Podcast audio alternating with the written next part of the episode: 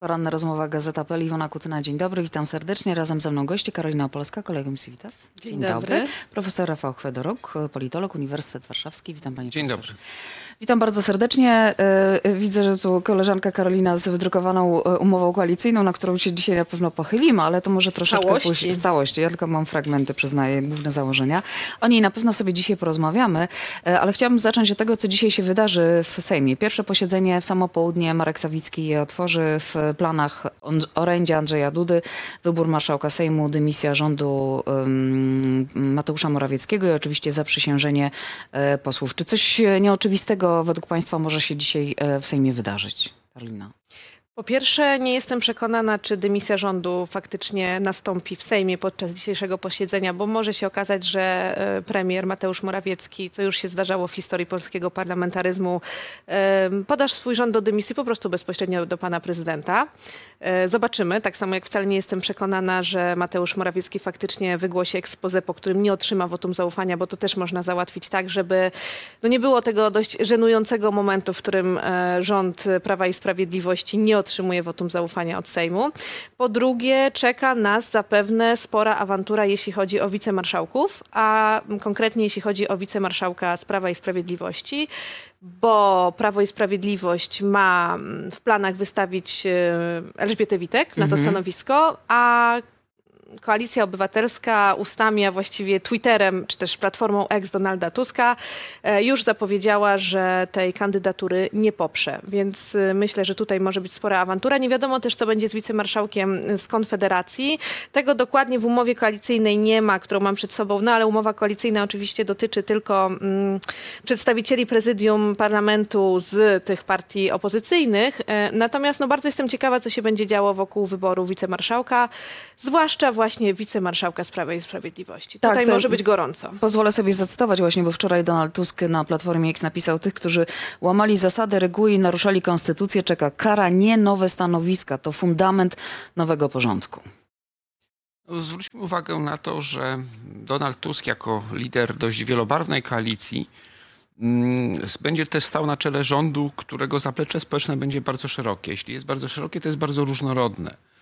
I będzie można tam odnaleźć zarówno takich wyborców, dla których kwestie rozliczeń z mijającą epoką będą zupełnie drugorzędne, wręcz czasem mogą być traktowane jako temat zastępczy, jak i takich wyborców, dla których stanowi to priorytet, prawda? którzy byli tymi, którzy nieustannie od 2015 roku deklarowali poparcie dla, dla głównych formacji opozycyjnych, zwłaszcza dla samej Platformy. I e, kwestia pani marszałek Witek, e, biorąc pod uwagę funkcjonalność e, tego, może być m, pewną próbą rekompensaty dla tych, którzy byli najbardziej konsekwentni w swoich, m, e, w swoich wyborach. I moim zdaniem Prawo i Sprawiedliwość bardzo chętnie może tę grę podjąć, ponieważ jeśli przyjrzymy się strategii tej partii na najbliższe miesiące, to bardzo wyraźnie widać, że jest to strategia radykalizacji, pogłębienia bipolaryzacji, zamknięcia się w oblężonej twierdzy, nawet kosztem em, dalszej atrofii obrzeży elektoratu tej, tej formacji po to, żeby przetrwać jako zwarta formacja, a to można dokonać tylko z pisma doświadczenia w tej materii, szczególnie rok 2011 e, był, był przykładem tego, że PiS zradykalizował się w czasie kampanii wyborczej. Wybory przegrał, ale przetrwał jako partia. Teraz tak naprawdę od lata 2022 roku było widać taki proces zamykania się Prawa i Sprawiedliwości, więc, więc rzeczywiście zgadzam się w tej materii, może być bardzo, bardzo gorąco dzisiaj na sali sejmowej. Zaś co do Konfederacji, myślę, że to jest tak naprawdę problem dużo głębszy niż kwestia obyczaju, bo obyczaj zapewne przemawiałby za tym, żeby Konfederacja jednak miała w Aczkolwiek zdarzało się już w, też w Zdarzało historii się, tak, naszego Sejmu, że były kluby, które nie miały swojego wicemarszałka. Tak, ale jeśli opozycja, dotychczasowa Mhm. opozycja tytułowała się mianem demokratycznej, to pewnie byłoby lepiej. Ale problem polega na czymś, co nazwano w Belgii niegdyś kordonem sanitarnym i dotyczyło Rady Miejskiej Antwerpii i bloku flamandzkiego, no, który postrzegano jako skrajnie prawicowy, separatystyczny i tak dalej. Toż inne partie, chadecy, socjaliści, liberałowie, te główne partie mm, e, w, Belgii jakby zgodziły się co do tego, że nie należy dopuścić tej rosnącej w siłę mm, partii do, do władzy. Więc to jest pytanie, jak pa- partie przede wszystkim tej wielkiej trójki zwycięskiej w w wyborach e, będą się odnosić na trwałe do Konfederacji. Czy będą wolały posługiwać się Konfederacją jako przykład swoistym alter ego PiSu, który można od czasu do czasu wykorzystać na prawicy przeciwko Prawu i Sprawiedliwości, czy też uznają, że jakby wartości demokratyczne i wątpliwości co do no, różnych poglądów manifestowanych przez niektóre środowiska wchodzące w skład Konfederacji niegdyś nie są rękojmią tego, żeby jednak w prezydium nikogo nie było. A co ciekawe, przed e, naszym spotkaniem i rozmową e, przeglądałam e, właśnie dawnego Twittera, no i tam jeden z internautów wrzucił takie zapytanie, jeżeli miałbyś, czy miałabyś dokonać wyboru, jeżeli chodzi o stanowisko wicemarszałka Bosak czy Witek. Wiadomo, że takie, a nie inne grupy, nie wiem, przeglądają chociażby wpisy tej, a nie innej osoby, ale mimo wszystko to tam chyba 99, jeśli nie 100% powiedział wolę Bosaka. Jeśli już, jeśli miałbym dokonać jakiegoś wyboru, no bo Elżbieta Witek, co miała zrobić, to zrobiła, y, złamała prawo niejednokrotnie, więc tej osoby nie widzimy na, na tym stanowisku. No, Elżbieta Witek to jest ta osoba, która ym, wprowadziła słynną reasumpcję głosowania. Musimy anulować, bo przegramy, po czym powoływała się na opinię pięciu prawników. Nigdy nazwisk tych prawników nie poznaliśmy. A Krzysztof Bosak jest ciągle jednak postacią dość nową i świeżą. On na takim stanowisku jeszcze nie był, co pozwala mieć jakąś taką nadzieję, że być może to będzie wyglądało inaczej. No, Elżbieta Witek ma tę historię e, trudną. Trudną i raczej negatywną. E, jeśli chodzi o Konfederację, to z takiego czysto politycznego punktu widzenia też za tym, żeby jednak dać to stanowisko Konfederacji, przemawia fakt, że Konfederacja mogłaby potem w niektórych sprawach głosować razem z dzisiejszą opozycją, a przyszłą koalicją rządzącą. Jeśli dobrze teraz na szybko liczę, to gdyby no, za jakiś czas na przykład 10 posłów z em, Zjednoczonej Prawicy przeszło na stronę opozycyjną, co nie jest wykluczone, no bo jednak do zwycięzców wszyscy garną, nie odwrotnie, to tych 10 posłów plus e, klub Konfederacji daje możliwość obalenia weta prezydenckiego, a to jest już coś, co byłoby bardzo przydatne, więc zaczynać, ale to mówię, z czysto politycznego punktu widzenia, zaczynać współpracę z Konfederacją od tego, że nie otrzymuje ona stanowiska wicemarszałka Sejmu, no przekreśla albo bardzo utrudnia przyszłą współpracę właśnie w Sejmie, która mogłaby obu stronom przynieść korzyści. E, Według Państwa możliwy jest taki scenariusz, że Mateusz Morawiecki, wiedząc i zdając sobie doskonale sprawę, że nie ma tej sejmowej większości, zrezygnuje jednak z tworzenia rządu? Czy nie ma takiej opcji? Panie profesorze. Nie pod decyzji prezydenta Dudy w sprawie rządu Mateusza Morawieckiego już chyba nic nie jest w stanie zaskoczyć w, w polskiej polityce. Mm, Coś, co wśród długofalowo absolutnie prawicy nie będzie się opłacać. Prawda? Taki gest, który wskazuje, że no niezbyt potrafimy pogodzić się z, z porażką, niekoniecznie nawet wśród wielu wyborców odległych od, od głównych formacji opozycyjnych może wzbudzić entuzjazm. Mm, Mateusz Morawiecki walczy o polityczne życie. Zwróćmy uwagę na to, że mm, gdy przestanie być prezesem Rady Ministrów, w zasadzie zostaje szeregowym posłem, no i jednym z szerokiego grona współliderów Prawa i Sprawiedliwości, to na dodatek tym, którego twarz w olbrzymim stopniu była twarzą utraty mm, władzy. Trudno sobie wyobrazić, by jeszcze raz w swojej politycznej karierze dostał aż tak dużą szansę od, od losu i kierownictwa PiSu, więc myślę, że raczej będzie zdeterminowany w walce do końca. On będzie szczególnie zainteresowany nową strategią bipolaryzacji, bo tylko w jej obrębie będzie mógł przetrwać. PiS otwierający się, szukający nowych wyborców i tak dalej, nie będzie już mógł czynić tego, czy próbować czynić tego za pośrednictwem Mateusza Morawieckiego. On swoją szansę w tej materii miał, wygrał jedne wybory, choć tym elektoratem, który y, rekrutującym się z tych grup społecznych, gdzie Prawo i Sprawiedliwość zawsze miało ponadstandardowe poparcie, więc, więc myślę raczej, że bój to będzie ostatni. Chociaż mnie w ogóle nie dziwi to, że prezydent Duda właśnie wskazał Mateusza Morawieckiego na przyszłego premiera, dlatego że z kolei prezydent Duda też myśli o swojej przyszłości politycznej. On w 2025 roku przestanie być prezydentem i kolejna kadencja już go nie czeka. Jeśli chodzi o jakieś stanowiska międzynarodowe, to też tutaj e, postawiłabym duży znak zapytania, dlatego że zarówno z Unią Europejską, no zobaczymy jakie będą wyniki wyborów w Stanach Zjednoczonych, bo to już z kolei mniej więcej za rok, ale jeśli chodzi na przykład o relacje z Unią Europejską, to Andrzej Duda nie ma tam najlepszej karty. E, Myślę, że nawet nie wiem, czy sam Andrzej Duda, czy bardziej nie Marcin Mastalerek, czyli nowo powołany mm, szef kancelarii prezydenta, e, nazywany wiceprezydentem zresztą, e, myślał o tym, że Andrzej Duda może być tą osobą, która przejmie schedę po Jarosławie Kaczyńskim. Na ile to jest wykonalne, tego oczywiście nie wiemy, no ale gdzieś ta myśl się pojawiła i teraz Andrzej Duda, który chciałby być przyszłym liderem prawicy, nie mógł, po prostu nie mógł wskazać w pierwszym kroku Donalda Tuska, czyli tego wcielonego zła, tego wstrętnego Niemca, mówię o tym, jak wyglądała narracja przez ostatnie miesiące, tak w pierwszym kroku na przyszłego premiera, bo to w dużej części elektoratu prawicowego by go skreślało, nie mógłby zostać tym liderem, więc ta decyzja, y, czyli wskazanie Mateusza Morawieckiego, mimo że jest to misja stracze- w ogóle mnie nie dziwi, zwłaszcza, że tam sympatii nie ma i w ogóle Mateusz Morawiecki nie cieszy się dużą sympatią, taką personalną w Zjednoczonej Prawicy, więc to, że jemu teraz będzie ciężko, wielu osobom jest na rękę. Natomiast ja nie wykluczam tej sytuacji, o której powiedziałam na początku, czyli że mm, nie doczekamy tego momentu, na który wiem, że pewnie niektórzy posłowie opozycji i elektorat opozycji czeka, czyli że Mateusz Morawiecki staje w sali plenarnej, wygłasza expose, a następnie mm, prze- przedstawia ten program rządu, przedstawia swoją Radę Ministrów, a następnie nie otrzymuje wotum zaufania i jest to naprawdę obrazek żenujący, tylko że on na przykład po prostu zamelduje prezydentowi, że nie udało mu się stworzyć rządu i przejdziemy bezpośrednio do kroku drugiego, czyli do, do um, wyznaczenia prezesa Rady Ministrów przez większość sejmową i wtedy będzie to Donald Tusk. No właśnie, wspomnieliśmy o tym, ym, jak postrzegany, jaka narracja obowiązywała w, w ciągu ostatnich kilku lat e, wobec e, Donalda Tuska. To przez chwilę chciałabym się cofnąć do, do tego, co działo się w piątek, to było tak, e, i wystąpienie Jarosława Kaczyńskiego, gdzie bardzo antyunijna narracja miała miejsce, już bardzo wyraźne słowa, włącznie ze zdaniem, które wzbudziło chyba najwięcej emocji. Tak w skrócie, upraszczając, jest plan, który doprowadziłby do anihilacji polskiego e, państwa. E, oczywiście jeszcze Jarosław Kaczyński mówił, że Polską będzie rządzić niemiecka partia, czytaj Platforma Obywatelska, nasz kraj będzie zatruty, terroryzowany przez mafie śmieciowe.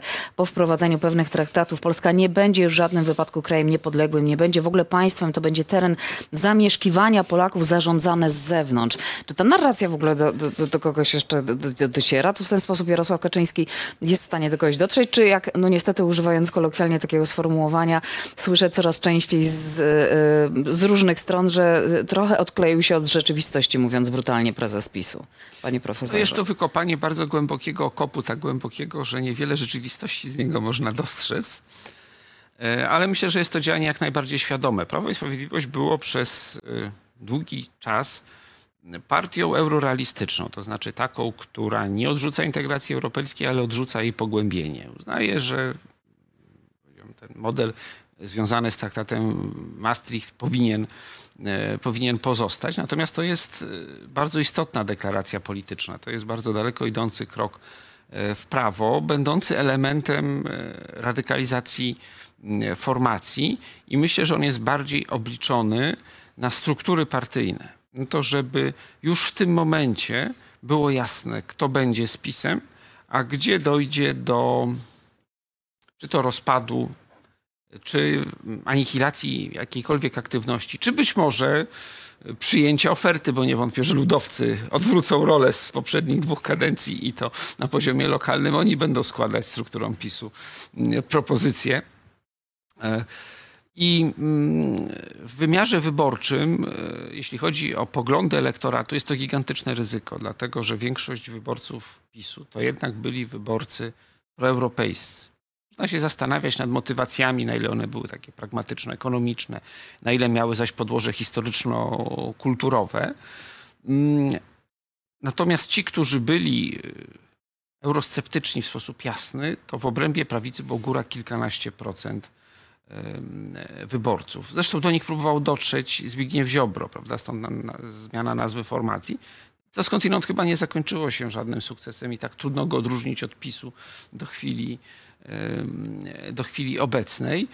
Jest to, myślę, krok obliczony na przede wszystkim wybory samorządowe, żeby za pomocą mm, najtwardszego prawicowego elektoratu uratować to, co się jeszcze da uratować, żeby się wyraźnie odróżniać. Tego, że zagrożeniem dla PiSu nie będzie może nawet w pierwszej kolejności trzecia droga, powiedzmy, ale różnego rodzaju komitety lokalne. PiS zawsze w wyborach samorządowych dostawał wyraźnie mniej aniżeli w wyborach e, ogólnokrajowych, często właśnie tracąc wyborców na rzecz różnych eklektycznych, a na poziomie powiatów czy gmin wręcz czasami egzotycznych lokalnych komitetów.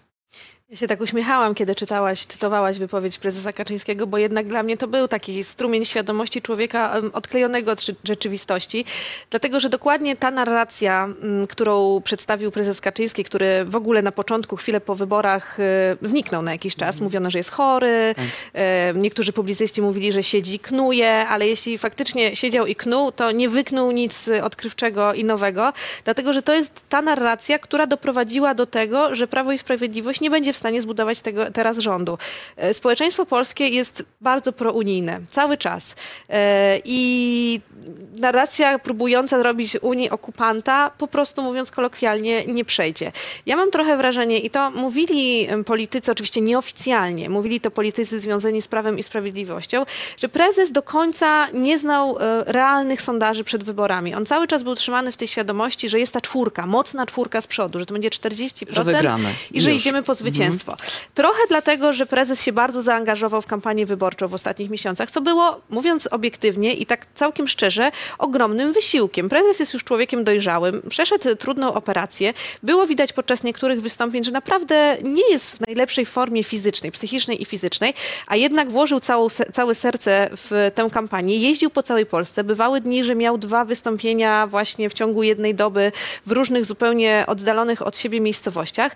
I trochę było tak, że ten sztab Prawa i Sprawiedliwości, wiedząc, że te wyniki sondażowe nie są tak dobre, jakby chcieli, nie chciał tego powiedzieć prezesowi także, żeby go nie zniechęcić. Trochę tutaj w takim małym wymiarze samotność dyktatora. To znaczy nikt nie chce powiedzieć e, władcy, że jest źle, żeby nie psuć mu humoru. Dlatego on naprawdę nie spodziewał się tego, że nie chcę powiedzieć, że przegrają, no bo wygrali, ale że nie będą w stanie zbudować rządu. I teraz to jest jakiś taki no tak jak powiedziałam na początku, dziwny strumień świadomości człowieka, który próbuje znaleźć winnych wszędzie, tylko nie w sobie, no bo też nie wiem, czy będziemy rozmawiać o rozliczeniach w Prawie i Sprawiedliwości, ale chyba nikt nie wierzy w to, że prezes zostanie rozliczony e, i szuka winnych gdzieś na zewnątrz. Mhm. Nie no, a propos rozliczenia, jestem bardzo ciekawa, jak to będzie wyglądało, biorąc pod uwagę, że jest to zapis dość istotny w umowie koalicyjnej, a propos właśnie rozliczeń e, e, Prawa i Sprawiedliwości. Zresztą to, to, to był argument, który myślę też wielu wyborców przekonał do tego, żeby na nich zagłosować, że to, co się działo przez ostatnie 8 lat, zostanie w jakikolwiek sposób zweryfikowane i rozliczone To właśnie. oczekiwanie elektoratu jakichś rozliczeń jest bardzo e, silne, zwłaszcza po naszym doświadczeniu, no sprzed wielu lat, ale tym doświadczeniu, kiedy się na przykład Zbigniewa Ziobry nie udało postawić Dokładnie. przed Trybunałem Stanu, bo parę osób, w tym Ewa Kopacz, nie przyszły mm, wtedy na głosowanie. I wszystkim osobom, które zarzucają, że ta umowa koalicyjna jest bardzo ogólnikowa, ona jest dosyć ogólnikowa, chociaż nie wiem, czy będziemy o tym rozmawiać, ale ja to rozumiem, e, to ten punkt dotyczący rozliczeń właśnie z prawem i z, z różnymi przedstawicielami Prawa i Sprawiedliwości, ale nie tylko, bo na przykład z osobami związanymi ze spółkami Skarbu Państwa, jest faktycznie szczegółowy. Jest szczegółowy i chyba nawet e, zaczyna docierać do niektórych, bo chociażby ostatnia konferencja trochę zwołana w panice prezesa NBP Adama Glapińskiego, gdzie pojawiły się wcześniej informacje, że właśnie przed Trybunałem Stanu postawione być może spowodowały, że no coś się zaczyna dziać, jakieś takie ruchy wykonywane w panice, panie profesorze. Tak, natomiast moim zdaniem problem jest głębszy. To znaczy rozliczenia w polityce są możliwe wtedy, kiedy ma się siłę do tego, by je przeprowadzać. A to nie jest bezkosztowe działanie dla, także dla tego, kto rozlicza. I opozycja, szczególnie jakby Platforma Obywatelska, może stanąć przed bardzo skomplikowanym dylematem. Rozliczenia, czy próby rozliczeń oznaczają konsolidację PiSu. No, oczywiście część tam przestraszy się, prawda, część zniechęci, odejdzie, ale pozostanie e, trzon tej, e, tej formacji. To może być pod pewnymi względami wygodne. Wtedy PiS jakby taka mniejsza formacja 30% no takim folklorem ziem wschodnich, prawda? Zawsze może być takim negatywnym kontrapunktem dla części mm, e, wyborców. Ale jeśli, biorąc pod uwagę na przykład to, co robią ludowcy ostatnio i w ogóle trzecia droga, być może tam pojawi się inna pokusa. To znaczy mm, fragmentaryzacji PiSu. A tak, żeby y, nigdy więcej tak skonsolidowana siła wyrastająca z, z, z, tych samych źródeł, co, co Prawo i Sprawiedliwość, nie pojawiła się w polskiej polityce. A ludowcy zapewne chętnie zajęliby miejsce, no powiedzmy trochę bardziej umiarkowanej, y, konserwatywno-prawicowej formacji, no bo taki historyczny ruch ludowy oparty o, o, o, o chłopów jako warstwę społeczną. Trudno sobie dzisiaj wyobrazić nawet, nawet w Polsce, prawda, wciąż, wciąż dużym odsetkiem wiejskiej mm, e, populacji. Wreszcie także bardzo ważna rzecz, o której moja szalona przedmówczyni wcześniej przy innym wątku powiedziała. To jest kwestia wyborów prezydenckich w Stanach Zjednoczonych. Mm, Gdyby Donald Trump wrócił, a w stanie na dzień dzisiejszy to nie jest scenariusz egzotyczny, e, to wartość PiSu jako partii wewnątrz Polski gwałtownie rośnie, nawet jeśli sondaże będą odległe od tego, co zobaczyliśmy w ostatnich wyborach, ponieważ e, PiS staje się jakby naturalnym partnerem dla ekipy Trumpa, która miała swoje pomysły na organizację mm, polityki. To Bolton się tym, tym zajmował w tej części e, Europy. Więc moim zdaniem na pewno rozliczenia zostaną rozpoczęte. Natomiast cały czas będzie pytanie o charakter ich finału prawda? i o to, czy się spieszyć na przykład z owymi, z owymi decyzjami. Czy to nam się podoba, czy nie, ale tak wygląda, tak wygląda polityka.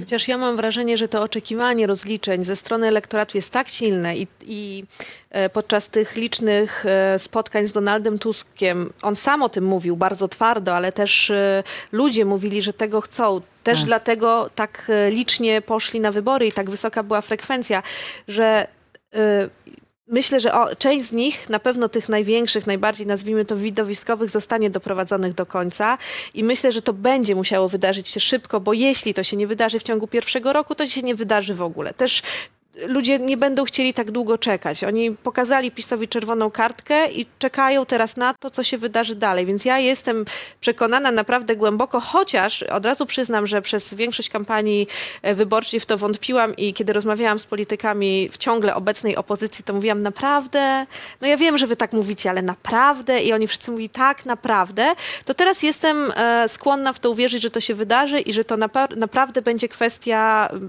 pierwszej połowy 24 roku. Czy ja bym dodał do tego jedno, no, czy opozycja wygrała nie dlatego, że obiecywała rozliczenia, No to bo- był jeden z powodów. Bo w, w poprzedniej kadencji też to czyniła. Zmieniły się czynniki strukturalne, to znaczy po pierwsze sytuacja gospodarcza bardzo, bardzo się skomplikowała i nieprzypadkowo mm, Platforma e, i inni mówili bardzo dużo na temat e, inflacji i powiedziałbym no, tej zgrzebnej codzienności, korzystając z dysfunkcjonalności w wielu aspektach e, rządzącej ekipy. Po drugie zmieniła się administracja w Stanach Zjednoczonych. PiS nie był w stanie kompensować sobie nazwijmy to dyplomatycznie ambiwalentnych relacji z głównymi partnerami unijnymi, kordialnymi stosunkami z, z administracją mm, e, Trumpa. I jeśli w wyborach samorządowych, potem w wyborach prezydenckich obecne formacje opozycyjne chcą być zwycięskie, chcą powtórzyć swój e, sukces, to nieśmiertelna fraza o ciepłej wodzie w kranie jest dużo ważniejsza od rozliczeń. Rozliczenia mogą pomóc, mogą przeszkodzić, mogą nie mieć żadnego wpływu. Natomiast ciepła woda w kranie może doprowadzić do czegoś, czego zapewne obecna opozycja najbardziej by się obawiała, to znaczy konsolidacji PiSu na jakimś poziomie i rozpoczęcia transformacji tej partii, tak jak dokonała ona transformacji między mniej więcej 2012 a 2014 rokiem, otwierając sobie drogę do dalszych, e, do dalszych e, sukcesów. I pamiętajmy, że nastroje na salach, na których jest bardzo wiele osób bezpośrednio związanych z partiami opozycji, Oczywiście. to jest troszeczkę coś innego niż nastroje e, w skali makro, to słynne Jagodno. Warto zwrócić uwagę, że wielu te, na wielu tego typu osiedlach w Polsce, gdzie Platforma znakomicie wypada w wyborach ogólnokrajowych, Widzę Warszawska Białołęka, w wyborach samorządowych nie jest już tak dobrze, dlatego że problemy życia codziennego na tego typu osiedlach często pragmatyzują wybory i kierują na przykład w stronę lokalnych komitetów powstających trochę ad hoc właśnie w związku z jakimiś konkretnymi wyzwaniami danej lokalnej społeczności. Wracając do wyborów parlamentarnych, te rozliczenia to jest jedna z kwestii, która miała wpływ na to, że poszliśmy zagłosować, jak zagłosowaliśmy. A czy drugą ważną kwestią, i to będzie taka jeden z ważniejszych takich tematów politycznych, to jest aborcja, bo już e, pojawiają się głosy oczywiście, em, chociażby widziałam, nie wiem, wczoraj czy przedwczoraj taki wpis e, strajku kobiet, gdzie bardzo mocne rozczarowanie podejściem właśnie Polskiej 2050, jeżeli chodzi o to, co w tej umowie koalicyjnej a propos praw kobiet się e, znalazło. Em, już zapowiedzi się pojawiły ze strony Nowej Lewicy, że dzisiaj nawet złożone będą dwa projekty ustaw dotyczące chociażby właśnie aborcji. Też czy y, koalicja y, przyszła rządowa chce y, przyjąć uchwałę w sprawie legalności wyboru trzech sędziów Trybunału, co doprowadzić może do unieważnienia między innymi właśnie y, wyroku w sprawie y, aborcji. Czyli Platforma i Lewica coś chcą robić, no ale trochę na drodze ta trzecia droga y, staje. I co tutaj może się wydarzyć? Tak jak mówię, tych głosów kobiet przede wszystkim, które trochę już są rozczarowane, się pojawia. Ja bym powiedziała, że na drodze bardziej niż trzecia droga stoi prezydent Andrzej Duda, który jest prezydentem do jesieni 2025 roku i który nie podpisze ustawy legalizującej aborcję do 12 tygodnia ciąży. I to jest, to jest pewne, to jest przesądzone. E, W umowie koalicyjnej znalazł się ten punkt szósty, który mówi dokładnie o tym, że unieważnimy wyrok Trybunału Konstytucyjnego z 2020 roku. E, Jednym z pomysłów na unieważnienie tego wyroku jest to, o czym powiedziałaś, czyli po prostu e, w trakcie tego mm, wyroku w Trybunale Konstytucyjnym zasiadali sędziowie wybrani w sposób wadliwy i ten wyrok, zdaniem niektórych prawników, jest po prostu nieważny, bo został wydany przez osoby nie będące sędziami Trybunału Konstytucyjnego. To w- oczywiście jest dosyć skomplikowana procedura, ale zakładam, że przy pewnej determinacji ona jest dosyć, dosyć duża i jest do przeprowadzenia. Ja osobiście jestem rozczarowana jako kobieta, jako osoba, która brała udział w protestach e, e, w 2020 i na początku 2021 roku.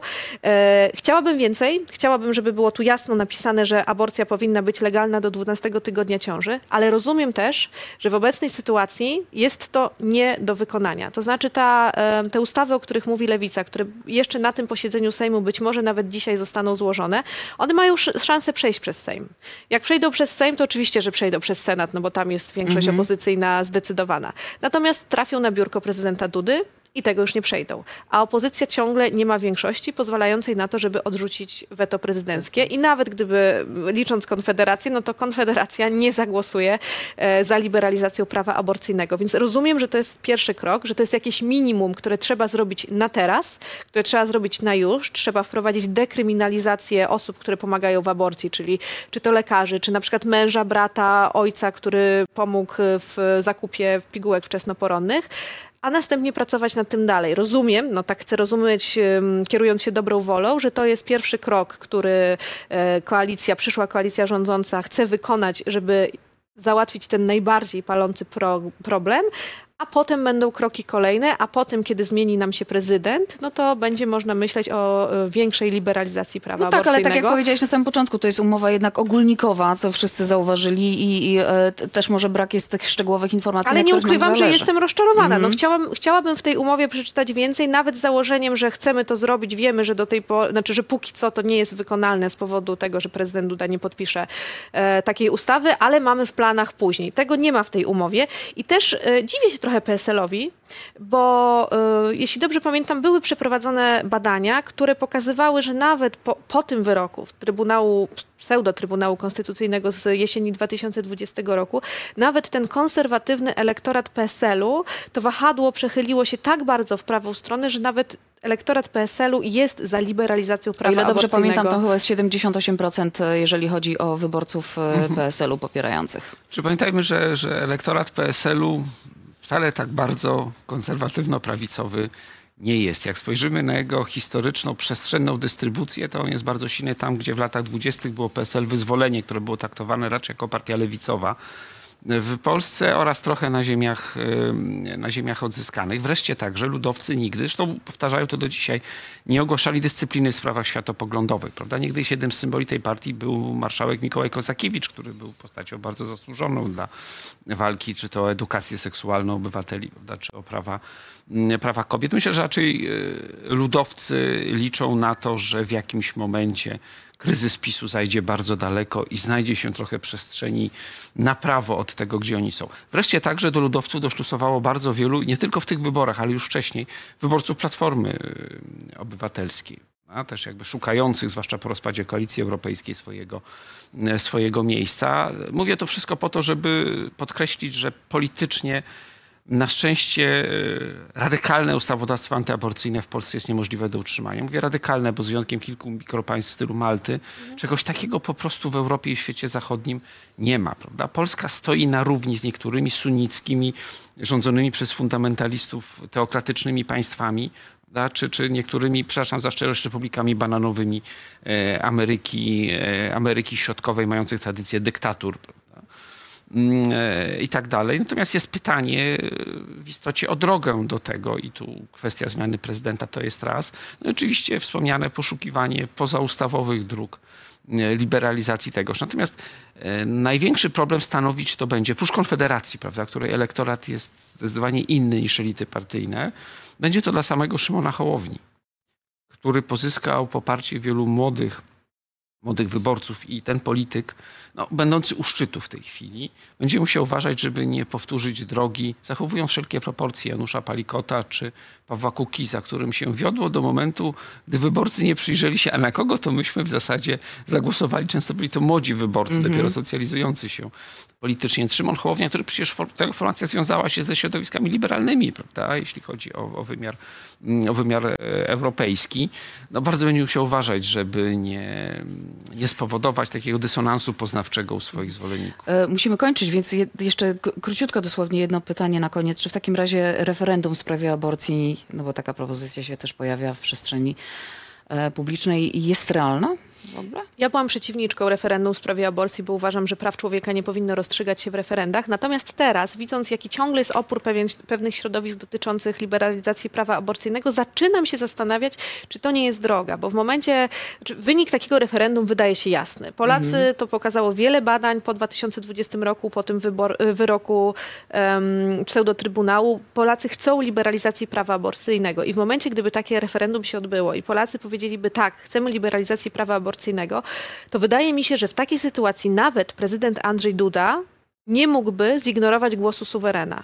I tak jak mówię, byłam przeciwna temu pomysłowi, natomiast teraz w tej sytuacji, kiedy jesteśmy ciągle w jakimś takim dziwnym pacie i wydaje się, że e, mimo silnego oczekiwania ze strony społeczeństwa ciągle jest opór w klasie politycznej, być może to jest wyjście, które należałoby rozważyć. Panie profesorze, jednym zdaniem poproszę, bo musimy kończyć. Niegdyś to episkopat był przeciwko referendum. W 1992 roku zebrano ponad milion podpisów, żeby przeprowadzić w tej sprawie e, referendum. Znaczy ja myślę, że referendum ma sens wtedy, kiedy mm, elity polityczne i społeczeństwo mają różne poglądy, albo kiedy społeczeństwo jest w miarę symetrycznie podzielone. W tej materii tej symetrii już nie ma. Wróciliśmy do stanu świadomości z początku lat 90., gdzie zdecydowana większość była przeciwna ograniczaniu praw kobiet w tej, w tej materii, więc moim zdaniem nie ma aż tak silnych podstaw w- tej chwili do przeprowadzania em, referendum. A skądinąd dla Platformy i dla Lewicy to może być temat, który jeszcze przez jakiś czas będzie wyborczo, wyborczo pomagał tym, tym formacjom, zwłaszcza jeśli spojrzymy na, na jakby strukturę mm, elektoratu. Karolina Polska, profesor Rafał Chwedorok byli razem z nami. Bardzo serdecznie e, Państwu dziękuję, bardzo. Państwu Dziękuję. również. E, Do zobaczenia.